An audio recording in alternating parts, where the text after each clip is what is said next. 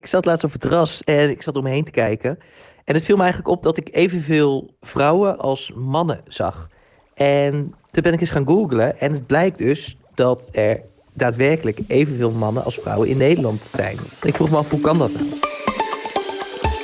Alledaagse vragen. NPO Radio 1. Met Aaron de Jong en Ilan Hoekstra. Michiel uit Vianen, dankjewel voor je vraag. Aaron, jij woont in Utrecht. Klopt. Uh, ik heb even uitgezocht. Daar is 51% vrouw en 49% man. Is jou dat wel eens opgevallen daar? Nee, eerlijk gezegd niet. Nee? Vind ik ook, ook niet zo'n groot verschil. Dat is 2%. Klopt. Qua studenten tussen de 20 en 30 is het uh, flink wat meer vrouwen, schijnt. Ah. Is ja. dat je wel eens opgevallen? Ja, ik ben net die studentfase ontgroeid, dus ik uh, begeef me niet meer uh, echt in die kringen. Oké, okay, nou goed. Uit cijfers van het uh, CBS blijkt dat er op 1 januari 2022 precies 99 mannen op elke 100 Nederlandse vrouwen zijn. Wel blijkt dat er op jongere leeftijd iets wat meer mannen zijn en dat op hogere leeftijd er wat meer vrouwen zijn. Die overleven het gewoon wat langer. Ja, vrouwen leven ook langer, toch? Precies, gezondere mensen. Minder dom ook. Ook dat. nou, het is echt weer een mannenaflevering. ja, maar, maar als je, als je sorry, ik, ik zeg dat eventjes omdat afgelopen weekend keek ik naar die veel video's en het is gewoon, als je statistisch kijkt, is het gewoon merendeel in die video's zijn gewoon mannen die domme shit doen. Ja. Maar dat betekent dat 99 op 100 bijna perfect is, 50-50. En dat is eigenlijk best wel raar en knap dat de natuur dat zo geregeld heeft.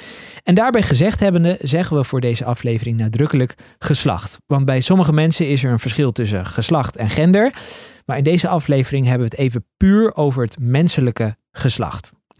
Want om deze vraag te beantwoorden moeten we de kant op van de biologie en de genetica. En binnen dat vak spreekt men simpel gezegd over man en vrouw, oftewel het X- en het Y-chromosoom. Ken je die biologieles nog, Aaron? Oeh, dat is wel heel lang geleden voor mij. en Y-chromosoom. Ik, nee? Beetje, beetje weggezakt. Nou, ik zal hem in twee zinnen even voor je herhalen. Je moeder heeft twee X'en als chromosomen en je vader heeft het XY-chromosoom. En de kans dat je dus een X of een Y krijgt als tweede chromosoom, die is dus 50%. Oké. Okay. Volg je het? Ik volg het. Ja? Je kan zo docent worden. Nou, en dan zou je zeggen, ja, maar het is een kans van 50%. Dus niet precies 50-50 dat het uiteindelijk zo ook daadwerkelijk gebeurt. Nou, dat is dus wel het geval, blijkt. En dat heeft allemaal met bepaalde wetten en principes binnen de genetica te maken. Manon de Visser die heeft mij dat geleerd. Zij is bioloog bij de Universiteit Leiden en naturalis. In de biologie heb je het principe van Fisher, daar kun je op googlen. Dus die legt gewoon uit van, nou ja, die, die één op één, die 50-50, dat is eigenlijk de beste balans. En het schommelt daar altijd een beetje omheen.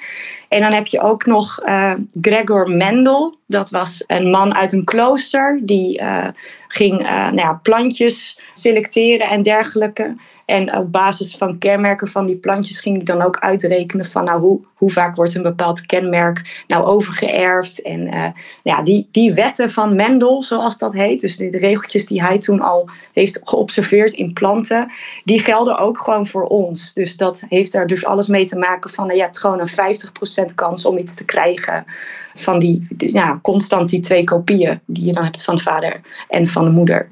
Dus de natuur voert precies die 50% kans uit.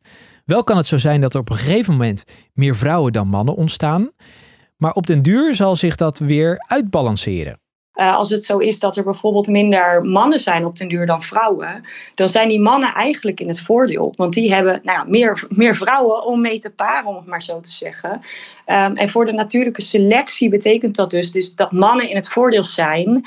En dat, die ook, uh, dat dat dus zou leiden tot een toename in mannen.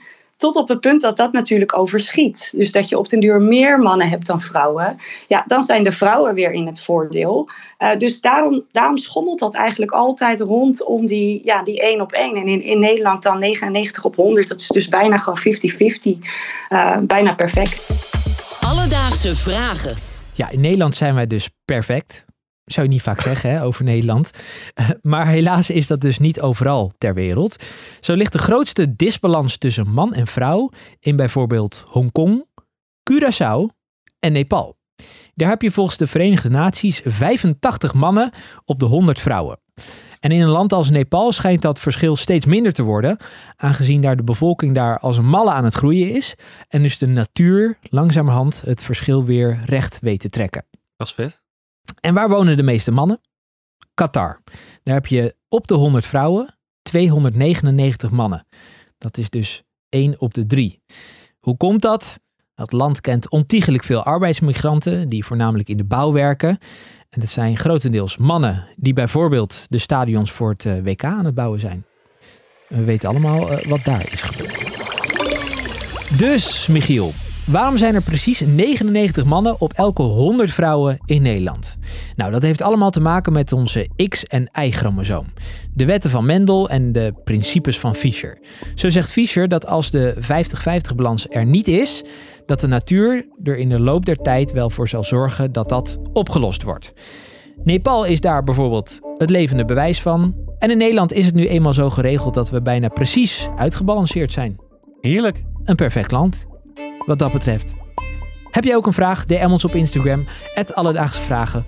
Of stuur een mail naar alledaagsevragen.radio1.nl en wij zoeken het voor je uit. En Aaron, hoeveel sterren voor je deze aflevering waard? Nou, minimaal vijf. Alledaagse Vragen. NPO Radio 1. PNN Vara.